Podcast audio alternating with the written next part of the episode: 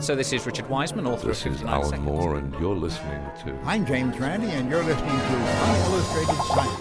Så du, du leker jo Nei, du leker ikke Gud. Kan eh, kurere kreft om fem år. For meg så er vel det her like nyttig som homøopati.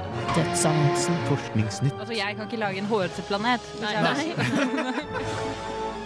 Uillustrert vitenskap.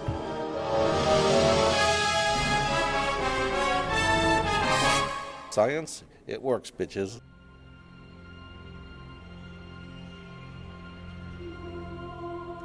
I denne ukens dramatiske, gåsehudfremkallende, tanngnissende episode av Uillustrert vitenskap er temaet global oppvarming, der du kan få vite hvordan vi sammen kan unngå den beryktede katastrofen.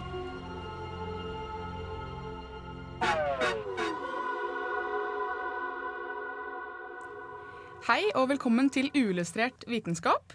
Jeg heter Agnes, og med meg i studio har jeg Hogne Hallo, hallo. og Gaute Hallo. og Øyvind. Yes da. Vi stiller i samlet tropp i dag. Eh, I dag har vi en temasending, nemlig om global oppvarming. Yay. Yay! Woohoo! det er kanskje ikke noe å juble for, så- men eh, vi skal opplyse folk. Ja, Du skal snart få litt generell opplysning samt et veldig spennende eksperiment som vi har gjort her i studio, faktisk. Men eh, aller først så skal vi høre litt på musikk. Jeg og kollegaene mine i Uillustrert vitenskap har vokst opp under den største økningen i velstand og CO2-utslipp som menneskeheten har sett. Vi har god appetitt på kjøtt, vi flyr oftere, og vi kjøper masse ting vi ikke trenger. Spørreundersøkelser viser også at stadig færre av oss tror at global oppvarming skyldes mennesker.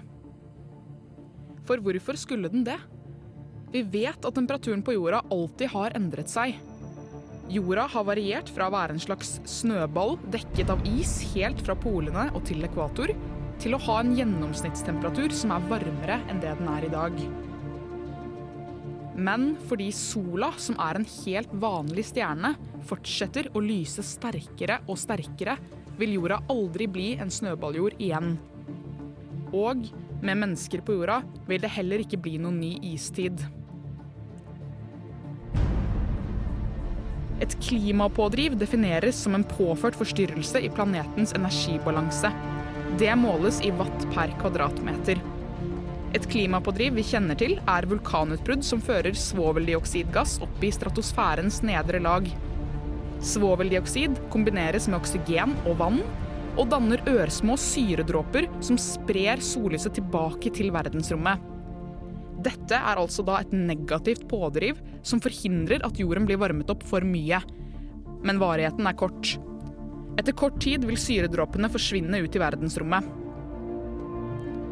Det aller største menneskeskapte klimapådrivet skyldes drivhusgasser. Disse gassene absorberer infrarød stråling fra jorden, slik at varmestrålingen ut i verdensrommet reduseres. Dermed er jorden i ubalanse. Jorden sender ut mindre energi enn den absorberer, noe som sakte, men sikkert vil varme opp planeten. Fossiler i geologiske dataserier forteller oss at det har vært fem masseutryddelser de siste 500 millioner år. Under disse masseutryddelsene forsvant halvparten av alle arter på jorda for alltid. I den mest ekstreme utryddelsen, Perm-Trias-utryddelsen for 251 millioner år siden, ble 90% av alt liv på jorda tilintetgjort. Alle disse tilfellene hadde sammenheng med raske og store endringer i atmosfærens sammensetning og klima. Er det for sent å forhindre det som allerede blir kalt den sjette masseutryddelsen, den menneskeskapte utryddelsen av arter? Fokuset på fornybare energikilder har økt, men hvordan skal vi tilfredsstille flest mulig?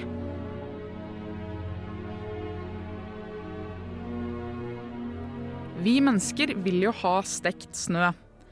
Med det mener jeg thorium gir mest CO2-fri energi i dag, men vi er imot kjernekraft pga. ulykken i Japan.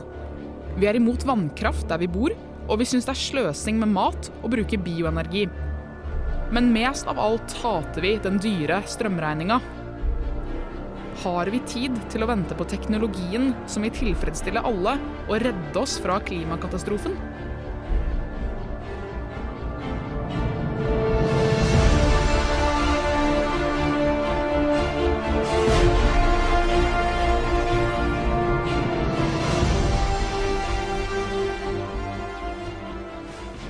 Ja, Agnes, har vi tid til å vente? Eh, svaret på det er eh, nei. Vi har ikke tid til å vente. Hvis vi fortsetter sånn som vi gjør nå, så har vi brukt opp den kvoten da, som FNs klimapanel har satt innen 20 år, og det sier seg selv at det, eh, det går ikke. Og til og med når det kommer til CO2-rensing, så ligger vi langt bak. Vi suger, rett og slett. Men det viser seg også det at det, er ikke bare den teknologien eh, som skal kunne på en måte hjelpe oss da, til å komme over denne katastrofen her. Det er også eh, Vi må være psykologisk anlagt til å eh, forholde oss til hvordan vi skal endre eh, forbruket vårt. da. Og dette kan illustreres ved et eksperiment som har flere navn, og som er ganske kjent. Hvor det er en, en pott. Vi har også prøvd dette eksperimentet i studio, som vi skal høre nå litt senere. Vi har eh, 100 kroner. 100 ekte penger. Ekte penger, ikke monopolpenger her, nei. Nei, uh, og de skal fordeles på to personer. Uh, og hvordan de blir fordelt skal vi høre litt senere. Men dette her har altså noe å gjøre med hvordan klimaforhandlingene foregår. This is Alan Moore, and you're listening to Unillustrated Science. Da har jeg fått inn eh, to personer i studio som ikke kjenner hverandre. Kan dere bekrefte at dere ikke kjenner hverandre? Ja. Ja. Det er bra. Kan dere bare fortelle litt kort eh, hvem dere er? Jeg heter Erik Rode og studerer nanoteknologi. Eh, Jeg heter Kristine og eh, jobber som sivilingeniør på VVS i bygg. Kult. Eh, dere skal være med på et eksperiment. Eh, og foran dere så er det to lapper. På den ene så står det ta, og på den andre så står det dele. Dere skal velge én av lappene. Eh, hvis dere velger den det står dele på, så deler dere da beløpet mellom dere og får 50 kroner hver. Dersom begge velger ta, så er det ingen som får pengene. Men dersom den ene velger ta, og den andre velger dele, så vil den som velger dele, tape alle pengene, mens den som velger ta, får alle pengene. Har dere skjønt reglene? Ja. Ja. Da kan dere se på lappene og velge en lapp.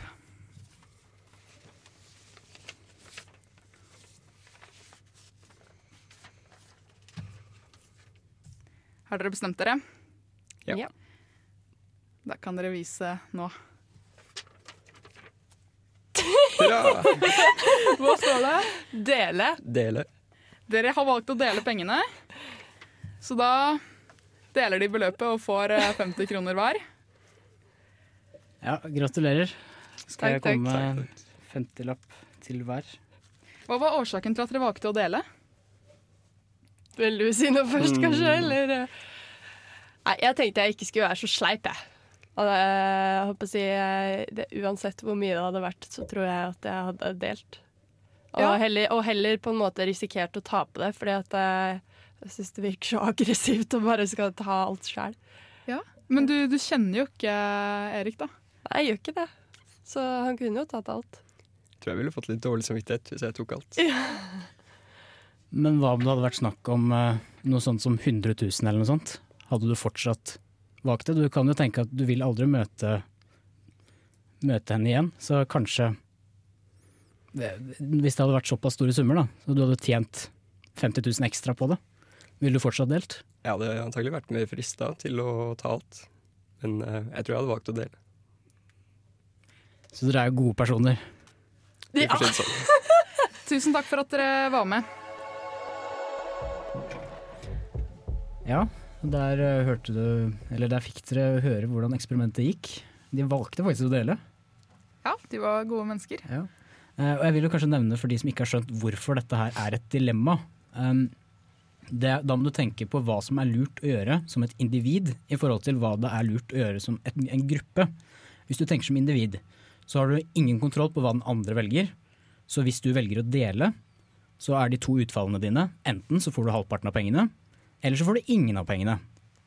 Mens hvis du velger å ta, da får du enten alle pengene eller ingen av pengene.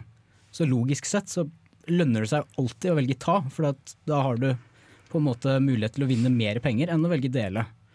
Men som en gruppe så er jo den eneste måten at dere, dere som en gruppe kan tape pengene, er jo hvis begge velger å ta pengene. Og det er her da dette dilemmaet kommer inn, da. Og dette her eh, eksperimentet som vi hadde i studio, det viser jo også litt eh, hvordan folk velger å samarbeide. Og det, det, vi nevnte jo at eksperimentet har flere navn. Blant annet så er det vel eh, Fangens dilemma er en variant, og så er det Split or Deal, som er et program som noen kanskje har hørt om. Og hvis vi skal være litt open-minded, så minner det kanskje litt om en eh, hvilken som helst finale i Paradise Hotel, hvor det spilles om penger. Og det er jo som du sier, Hogne, at hvis du ser for deg at nå hadde vi to personer hvis vi ser for oss at det er 100 eller kanskje 1000 mennesker som sitter rundt et bord og skal forhandle om klima, så vil det være da mest rasjonelt å tenke på egen vinning og vekst først. Så alle sitter da rundt og ser på hverandre og lurer på er disse til å stole på. Fordi Det mest rasjonelle ville være å velge å ta inntil de ser at alle andre har valgt å dele. Ja, eller her blir det ikke å ta og dele, men det blir enten å ikke gjøre noe eller å gjøre noe. Ja. For Det er jo snakk om konsekvenser hvis vi ikke gjør noe med, med den klimautviklingen som skjer. Så det er noe alle må være enige om. Alle må si dette gjør vi for at dette skal skje. For eksempel så er jo 50 eh, av sementen i verden Sementindustrien er jo industrien som står for veldig mye CO2-utslipp. Og 50% av sementen i verden lages i Kina. Så det å få med kineserne f.eks på det her. Det er også en, en, utfordring som viser at vi er nødt til å være psykologisk i stand. Da. Og det er den tenkemåten, om vi er på en måte villige til å dele. Nå viste det seg at de personene vi brukte, de valgte å dele da. Ja. Men det kan jo være presset i studio, det kan være det at vi Det var litt små summer også. Jeg ja, det... kunne kanskje ikke investere så mye penger inn i denne sendinga. Nei, men det var jo Ja, det har, det har nok noe med, med, summen å gjøre. Vi ser jo det at folk velger å Når det er snakk om mer penger, så, så velger folk kanskje litt annerledes, da. Mm. Ja. Eh, jeg kan bare spørsmål, Kunne man da satt opp eh, altså masse kameraer på disse store klimamøtene for, eh, for, å lage en ganske kjedelig versjon av Paradise Hotel, hvor alle oppfører seg skikkelig egoistisk for å få penger? Eller da ikke bruke penger på klimating? Det er jo samme greia, egentlig. På en måte, Bortsett fra at jeg vil ikke si at det kanskje er kjedelig. da. Jeg syns det er mer kjedelig å vite hvem som vinner Paradise Hotel, enn hva som kommer til å skje med verden. Det kan jeg være enig i. Men eh, ja, det er på en måte Det blir veldig en forenklet og veldig grov forklaring da, på hvordan dette her funker. Men det, det, handler, altså det, det, handler, veldig mye om psykologi også, da, og ikke bare teknologien som skal kunne hjelpe oss da, med å forminske karbonfotavtrykket vårt. Ja, og når folk begynner å trekke inn Paradise Hotel i de her klimagreiene, så vet du at det er virkelig seriøst. Ja, nå, dette her er virkelig uh, Vi ligger ikke så godt an. Heldigvis er ikke politikerne våre vært med Eller de, ikke, de har ikke samme IQ-nivå som de i Paradise. Så vi, litt, vi, kan håpe på at eh, de klarer å redde verden. Vi har noe å strekke oss etter. Vi skal høre på litt uh, mer musikk før vi skal høre litt om plusshus.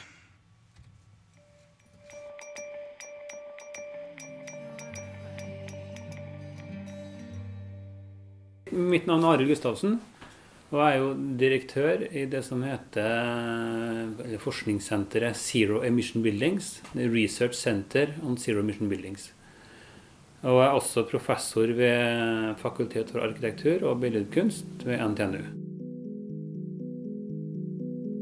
Et plusshus, eller nullutslippshus, er en bygning som produserer like mye eller mer energi enn det forbruker. Hvordan man beregner dette er ulikt, men normalt ser man på hele bygningens levetid, fra man bygger bygget, og gjennom hele brukstiden til det rives. Men hvorfor skal vi lage nullutslippshus i stedet for å kutte energi andre steder? Eh, hvorfor nullutslippsbygg eller nullenergibygg? Det er veldig mye fokus på det internasjonalt nå. Hvor eh, hvor det i lover og forskrifter eller i politiske dokumenter pekes mot at det innen 2020 skal bli vanlig å bygge nye nullenergibygg, eller nesten nullenergibygg. Og Det er jo en av bakgrunnene for at vi, vi, jobber med det her. Men en annen grunn er jo også at uh, vi må minske klimabelastningen fra bygg. Bygg står jo for ca. 40 av, av energibruken i Fastlands-Norge. Og det er viktig å sørge for at uh, det kommer mindre klimagassutslipp eh, ut fra byggebransjen. Så Det er hovedhensikten. Og Det er jo derfor de politiske dokumentene også peker mot nullenergibygg og osv. for å bedre situasjonen. Siden bygninger er en av de største kildene til klimagassutslipp, så vil åpenbart plusshus være et godt tiltak for miljøet. Men hvordan lager man egentlig et plusshus? Eh, det vil si da er at man skal ta utgangspunkt i å lage en så energieffektiv konstruksjon som mulig. Vil si du skal ha en bygningskonstruksjon som er godt isolert. Den skal være lufttett, og du skal bruke energieffektiv belysning, bruke gode tekniske systemer ellers. F.eks. ventilasjon med varmegjenvinner. Og så skal man bruke fornybar energi, fornybar varme, til å varme opp bygget. Solenergi, passiv solenergi, sol. Og så skal man også da bruke fornybare energiskilter til å dekke det elektrisitetsbehovet. Og da ser vi jo det at man i de byggene vi jobber med nå, de pilotbyggene vi ser, har, har endt opp med å bruke veldig mye solceller.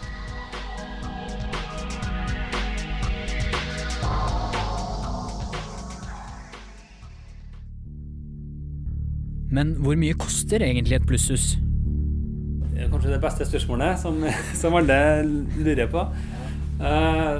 Det koster nå litt mer, mer men partnerne våre, da, de som realiserer pilotbygg, det er jo de reelle bygg som skal, som skal ut i den norske, norske konkurransesituasjonen på en måte, og konkurrere med andre bygg. Og, og da, da, kan de jo ikke være mye dyrere å kjøpe eller å leie enn en vanlige bygg som bygges etter dagens tekniske forskrifter. Så, så, det man vel ser, at det, det, er litt dyrere å bygge de, men de er billigere i, i drift. Du, du, får jo redusert eh, oppvarmingsbehov, du får, du får jo samla inn fornybar energi på, en måte på bygget, som gjør at du, du får litt igjen for å investere i det her.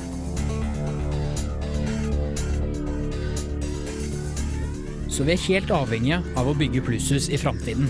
Og alle nye bygg må etter hvert være plusshus for at vi skal kunne stanse klimautviklingen.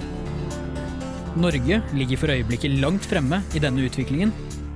Om vi også kommer til å være det i framtiden, er kun opp til oss og politikerne våre.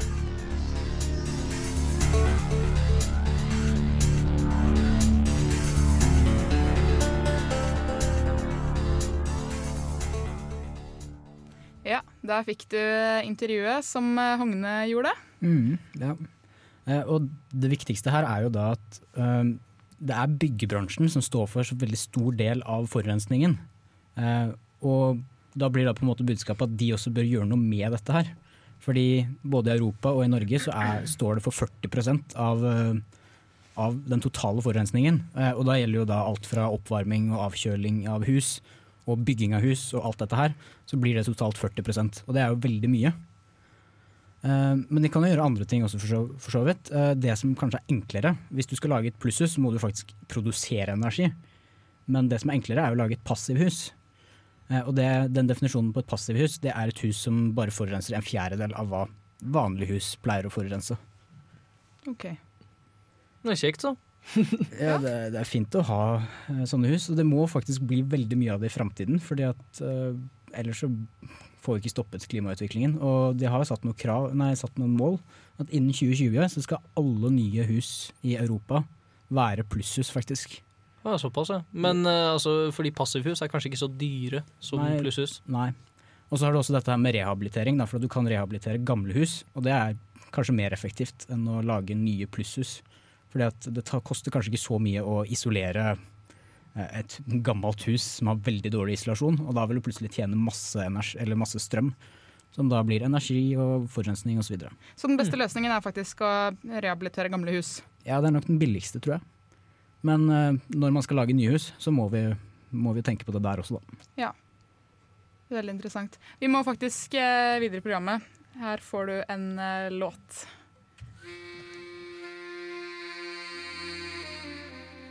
Hei, jeg heter Bjørn Jensen. Jeg jobber hos Skanska, som er en av verdens ledende grønne prosjektutviklere og entreprenører. Plusshus er definitivt en lovende vending fra byggindustrien. Men noe som kanskje kan virke som noe litt utenfor Norge. Det er derimot ikke tilfellet, for det skal nemlig bygges et plusshus på Brattørkaia her i Trondheim. Og det vil vel også være det første i sin klasse?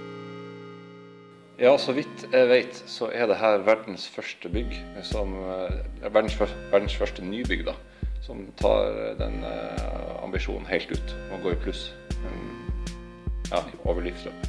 Eh, og som avviker fra den standard plusshusdefinisjonen. Eh, og den, den største forskjellen der er at eh, vi regner livsløp, og så tar vi med eh, ikke bare driftsenergi, men også all energi som går med til å bygge eh, bygget. Eh, all materialbruk, eh, selve byggefasen, eh, rehabilitering underveis i, byggets livsløp, og avhending. Så jeg kjenner iallfall ikke noe til, og har ikke funnet noe prosjekt som har et tilsvarende nivå. Men bortsett fra et høyere ambisjonsnivå innen produsering av energi, hva er det egentlig som gjør akkurat dette huset spesielt? Hvordan skiller det seg fra andre konstruksjoner? Altså, grunnsteinen i det er at eh, vi har, eh, vi har veldig energieffektive løsninger. Og det gjelder alle områder. Det gjelder ventilasjon, varme, kjøling. eh, Det gjelder belysning. Vi utnytter dagslys til å redusere behovet for belysning inne. Vi ventilerer på en måte som gjør at du, altså, du trenger ekstremt lite energi da, til å drive lufta gjennom bygget. Da. Og så er det planlagt på en sånn uh, måte at det her blir relativt ukomplisert. Eh, så vi har, liksom, vi har dratt nytte av det at vi f.eks. bygger en ekstremt eh, god, godt isolert yttervegg med superisolerte vinduer. Det gjør at vi, vi kan redusere antall radiatorer altså, og så. Vi kan begrense det til ganske få enheter.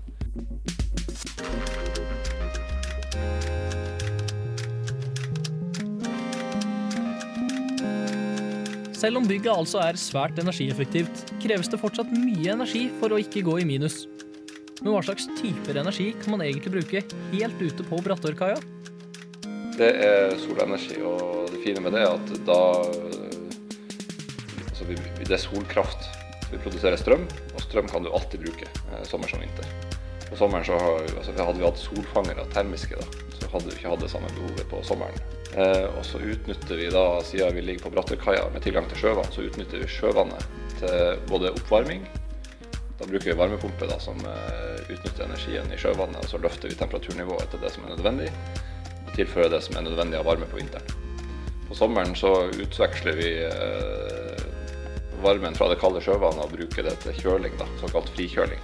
Uten noen sånn kjølemaskin eller sånt. Det er rett og slett sirkulasjon av vann og varmeveksling. Da. Med andre ord kan det virke som at Trondheim går en grønn fremtid i møte. Men da lurer jo alle så klart på når dette vil skje. Ja, nå er det jo et reguleringsarbeid som pågår. Og så, så hvis det da blir omregulert og alt blir godkjent og sånn, så starter vi litt sånn eh, på nytt igjen med planlegginga. Og det er antakelig ikke snakk om før eh, altså begynnelsen av eh, neste år, da. eh, 2015.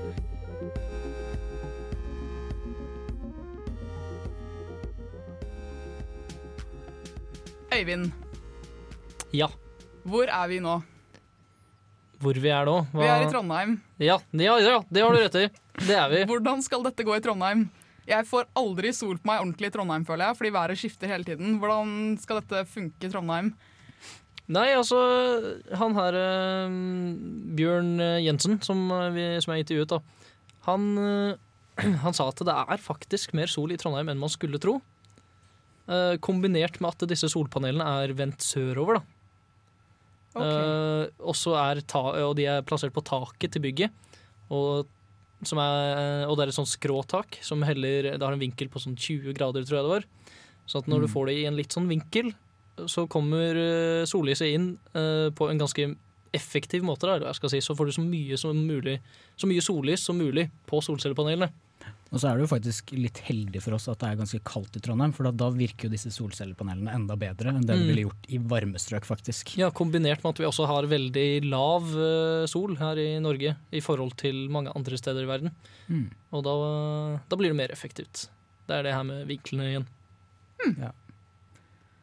Men eh, jeg tenkte også på Fordi det, det er jo mange forskjellige solcellepaneler her i verden. Ja, Hvor effektive er, har de liksom blitt? Jeg vet at de driver og utvikler ny teknologi hele tiden, men hvor effektive har de klart å få det til? Og hvor, eller hvor effektive er disse som skal brukes? Altså, Hvor effektive de er på flat mark, sa han jo ingenting om. Men eh, kombinert med denne vinkelen, så, får de, så er de ca. 20% effektive, og så er det noe som går tapt i ledninger og når de flytter rundt på strømmen som de får. Så han eh, regnet med at det var sånn 17-18% effektivt eh, At de får utnyttet 17-18% av energien i, i sollyset. Ja, er dette bra? Det er jo det er ikke så altfor mye, egentlig, men eh, de har, de har jo ganske mange solcellepaneler. Det dekker jo hele taket. Kombinert med at bygget er veldig effektivt. Det utnytter energien veldig godt. da. Så det trenger ikke så mye energi som mange andre kontorbygg. Så kanskje dette her kan bli, eh, bli den nye løsningen. Vi får jo håpe det. Men eh, vi er faktisk nødt til å bare rase videre i sendingen, vi. Så her får du en uh, ny låt.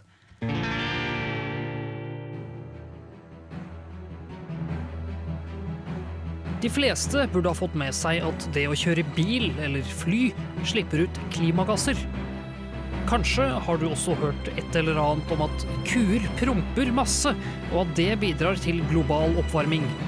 Men hvor mye sannhet er det egentlig i den påstanden?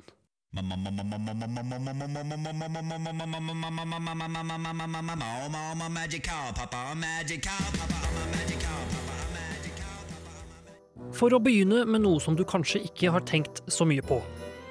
Det er veldig energiineffektivt å spise kjøtt.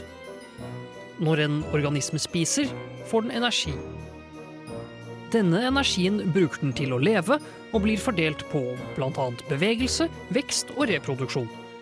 Av den totale energien en organisme får i seg, vil kun 10-20% være tilgjengelig for neste ledd i næringskjeden. Med andre ord, energien du får fra å spise f.eks. ku, utgjør kun 10-20% av energien som kua fikk i seg. Og på samme måte fikk kua i seg kun 10-20% energi fra det den spiste. Dette kalles trofisk effektivitet, og fører til at det kreves veldig mye mer energi å produsere biffen på tallerkenen i forhold til hvor mye du får ut av den. En annen faktor er faktisk at husdyrhold står for store klimagassutslipp pga. Av avføring.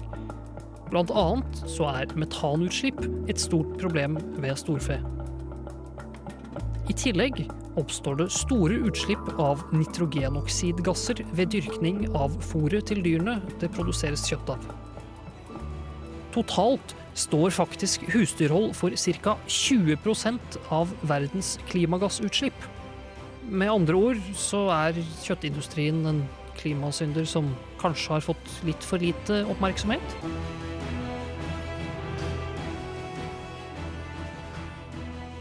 Ja, det visste du kanskje ikke det. Så det vil altså si at alle de som eh, går på lavkarbo og blir kjempetynne, bør ha kjempedårlig samvittighet. Eller hva, Gaute? I hvert fall hvis de spiser veldig veldig, veldig mye kjøtt. Eh, For et av de store problemene her er jo det at kjøttet er jo fryktelig fryktelig godt, og så er det jo ikke bra for miljøet i det hele tatt. Eller for eh, verdens befolkning med tanke på mat, for den saks skyld. Men for de som er veldig glad i kjøtt, da, og som ikke orker å planlegge livet sitt slik som de som da er veganere er nødt til å planlegge livet sitt, har du noen eh, tips, eller er det noe, kommer det snart en sånn alternativ, eh, noe alternativ til det kjøttet slik vi kjenner det i dag?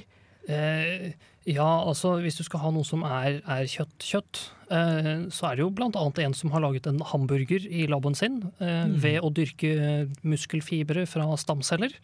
Eh, og så da sette sammen disse muskelfibrene til en hamburger. Eh, men det brukte han vel en sånn eh, kvart million euro på, eller noe sånt, nå, så jeg tror ikke det er noe du kan liksom kjøpe på, på kebabsjappa sånn med det første.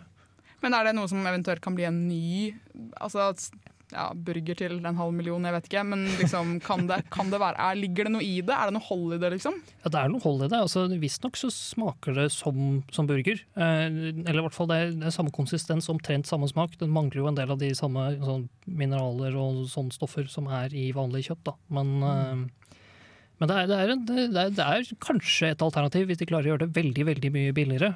Um, Ja, og han lagde vel bare én hamburger. Men hvis du lager Ja. flere samtidig, og klarer å gjøre prosessen langt billigere, da han lager vel faktisk et par, da. Det er én som blir stilt ut på museum, eh, og, og et par som ble liksom testsmakt på. Så ja, Men allikevel, det er ikke noe masseproduksjon ennå. Nei. Nei.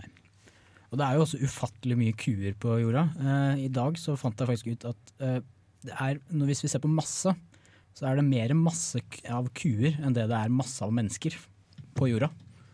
Og det er flere antall kyllinger enn det er eh, mennesker. Ja, Men de veier litt mindre, så de, Ja, ja. Veier, de dekker ikke opp så mye av massen. Ja, jeg håper du som har hørt på har eh, fått med deg det her og tenkt litt mer på hva du skal ha til middag. Men vi er faktisk nødt til å gå videre.